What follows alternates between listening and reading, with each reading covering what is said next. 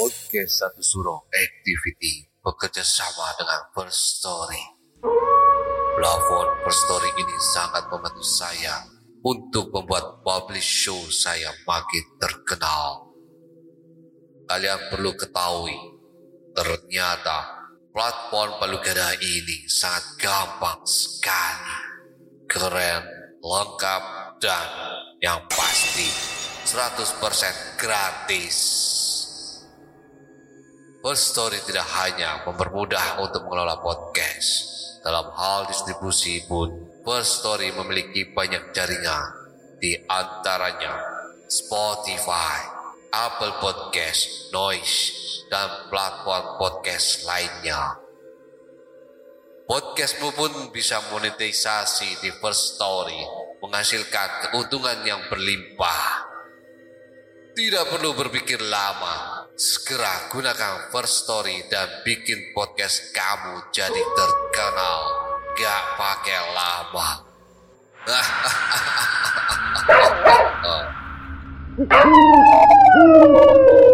Sugeng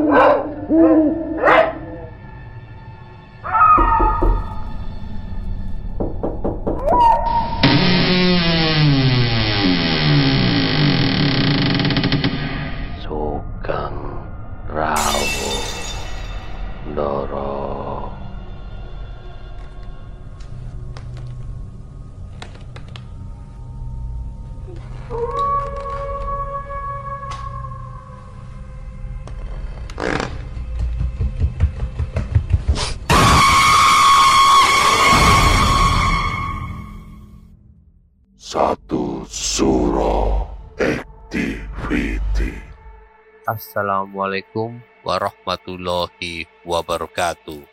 Selamat malam. Rahayu, rahayu, rahayu. Para pendengar satu suro activity. Saya, Panembahan Dokter Mistik.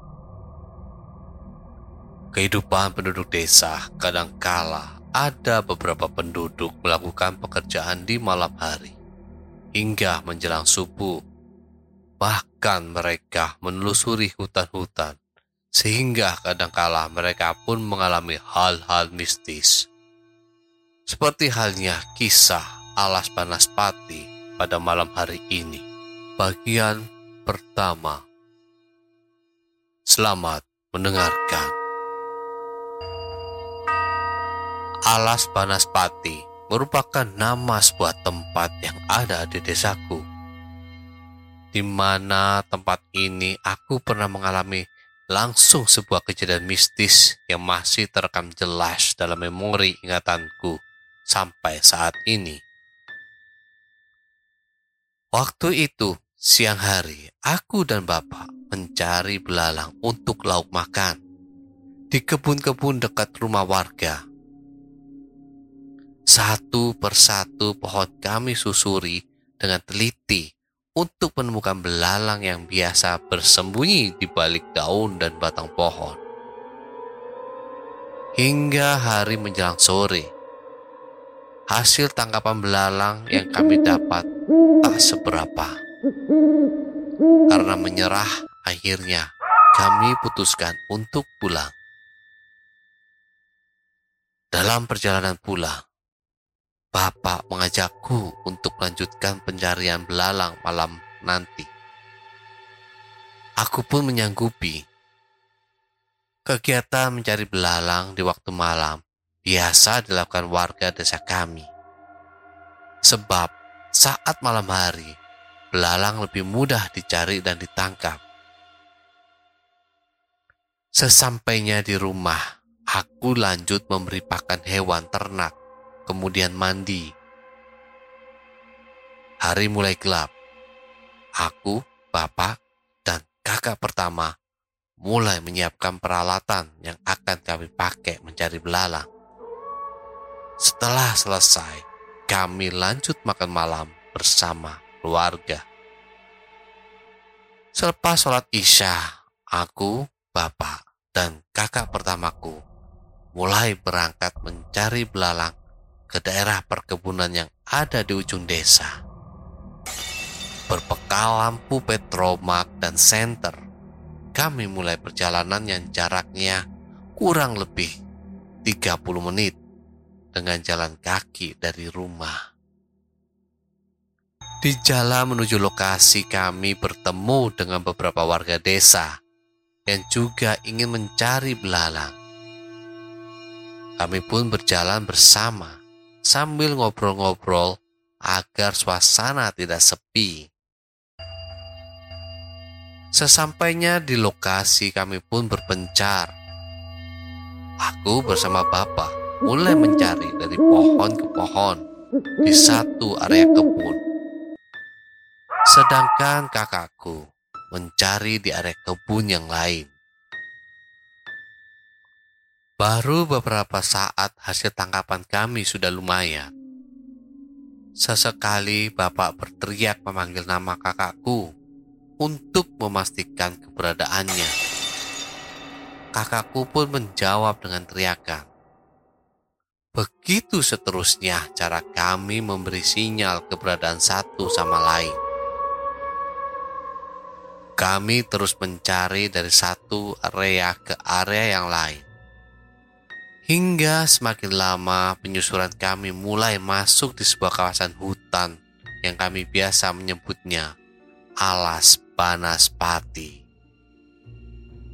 Memang terdengar aneh, tapi memang benar itu nama tempatnya. Konon kata bapakku, Alas ini dulunya adalah sebuah hutan yang dihuni banyak demit banaspati. Hantu bola api terbang. Kejadian-kejadian misterius dari kebakaran hutan, orang hilang, hingga banyaknya saksi mata yang melihat langsung penampakan banaspati. Mungkin itu yang menjadi sebab hutan ini dinamakan Alas Banaspati. Tapi itu semua hanya cerita versi bapakku saja. Untuk kebenarannya, aku sendiri kurang paham. Sebab sejak aku kecil, belum pernah sama sekali mendengar kabar aneh-aneh mengenai hutan ini, kecuali cerita dari bapakku ketika aku dan Bapak mulai memasuki kawasan alas ini. Bapak hanya berpesan, Ojo mencar adoh, ojo misu, nek weruh barang, ojo melayu. Artinya, jangan berpencar jauh, jangan bicara kotor. Kalau lihat sesuatu, jangan lari, kata bapakku. Nggih. Iya, jawabku. Awalnya aku biasa saja. Tidak ada perasaan takut sama sekali. Hanya agak was-was dengan binatang-binatang malam. Soalnya tempatnya banyak semak belukar dan rumput liar. Ditambah hawanya yang agak pengap karena banyaknya pepohonan besar dan tinggi. Tapi karena banyak belalang di tempat ini, membuatku tidak begitu memperdulikan hal tersebut. Semakin lama kami semakin masuk ke tengah hutan. Teriakan demi teriakan memberi sinyal keberadaan satu sama lain lebih sering terdengar. Hingga sampailah kami di sebuah area tanah lapang yang ada di tengah hutan. Di area ini terdapat satu pohon jati tua yang sangat besar yang posisinya tepat berada di tengah-tengah. Warga desa kami biasa menyebutnya jati urip. Bapak mengajakku berhenti untuk menunggu kakak dan warga yang lain. Beberapa saat kami menunggu, belum juga ada yang datang. Karena merasa jenuh, aku berkata ke bapak. Rian mawon pak, bendo nyusul. Duluan saja pak, biar pada nyusul. Weh, ora ilok yo, kudu bareng-bareng. Hus, Pak Mali, harus bersama-sama, jawab Bapak. Mendengar jawaban Bapak, aku pun menanyakan kembali apa alasannya. Bapak pun mulai bercerita tentang tempat ini. Beliau mengatakan bahwa di area ini tepatnya di pohon jati tua yang ada di tengah itu dihuni Raja Banaspati.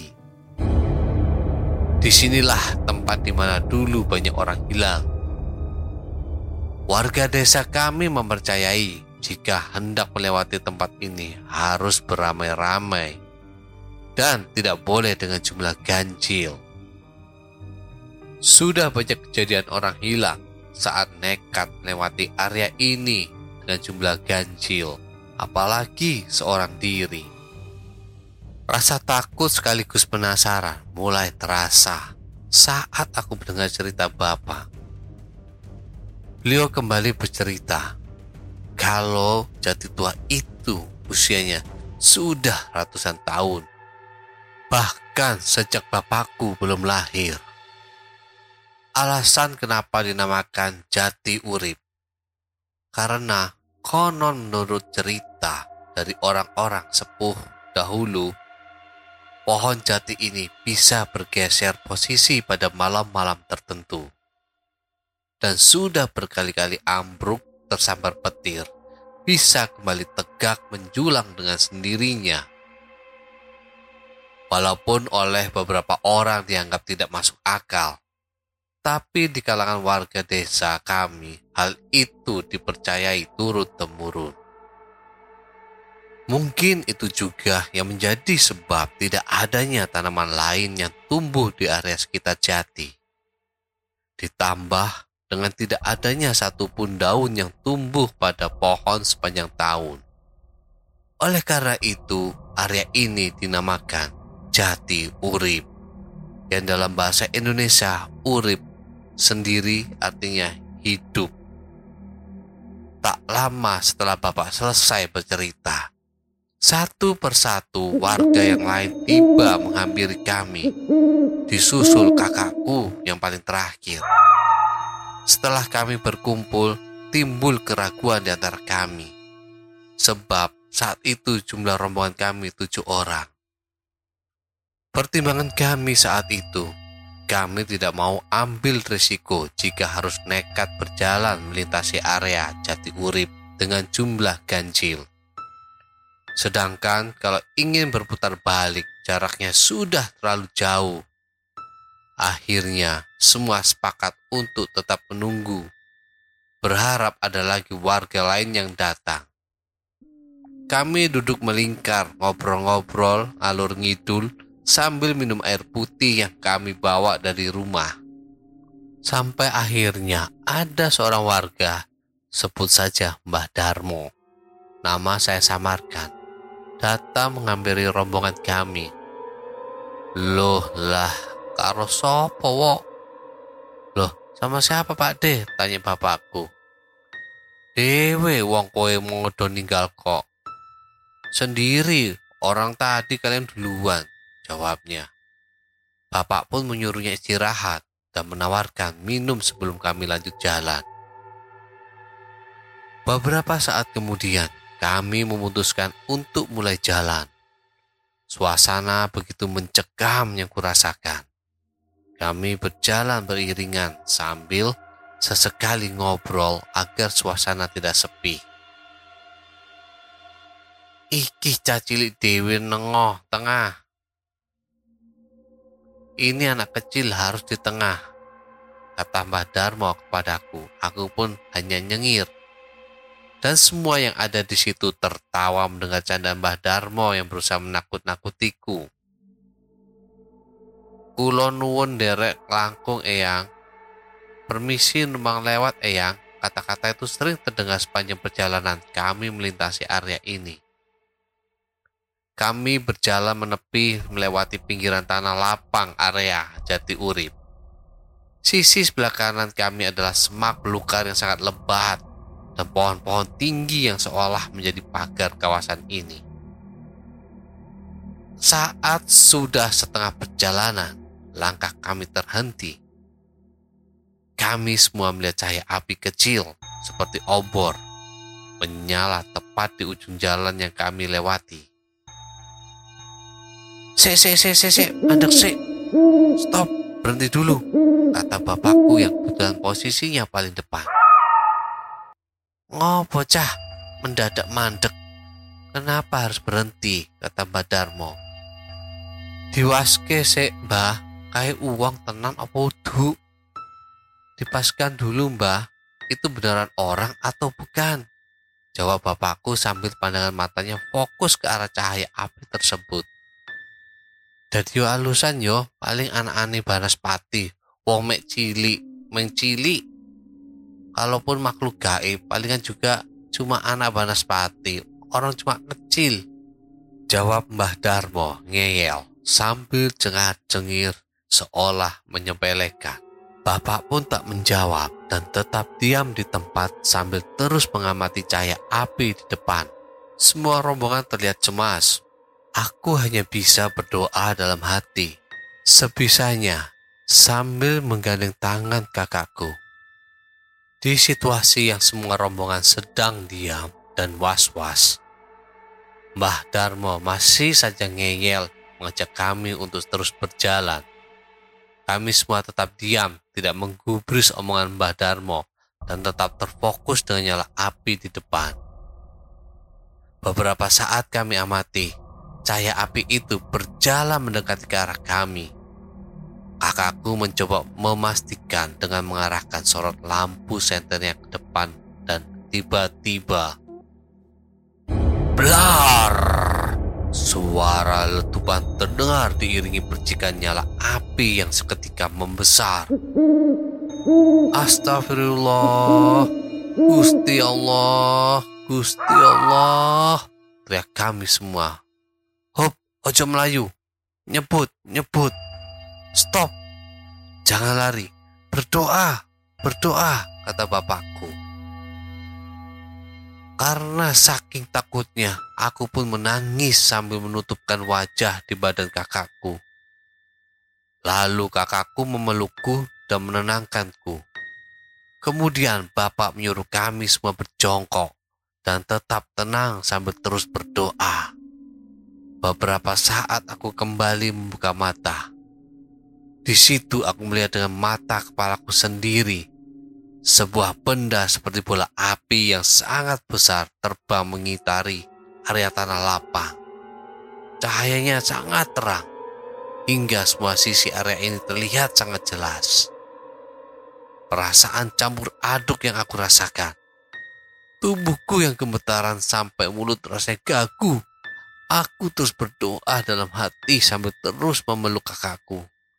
Setiap kali bola api itu lewat di atas kami, kami memejamkan mata karena tidak berani melihat. Sampai akhirnya setelah beberapa saat terbang berputar-putar bola api itu menghilang setelah menabrak pohon jati yang ada di tengah dengan diiringi suara letupan lagi. Wes, wes, Alhamdulillah, Duh Gusti. Kalimat itu yang pertama aku dengar sesaat setelah api itu menghilang. Itulah tadi kisah Alas Banaspati bagian pertama. Para pendengar satu suro activity. Nantikan Alas Banaspati bagian kedua minggu depan. Para pendengar satu suro activity.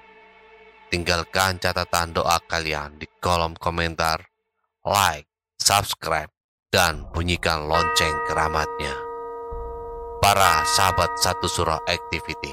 Tetaplah iling lan waspodo. Assalamualaikum warahmatullahi wabarakatuh. Salam, salam, salam. Rahayu, rahayu, rahayu. Salam.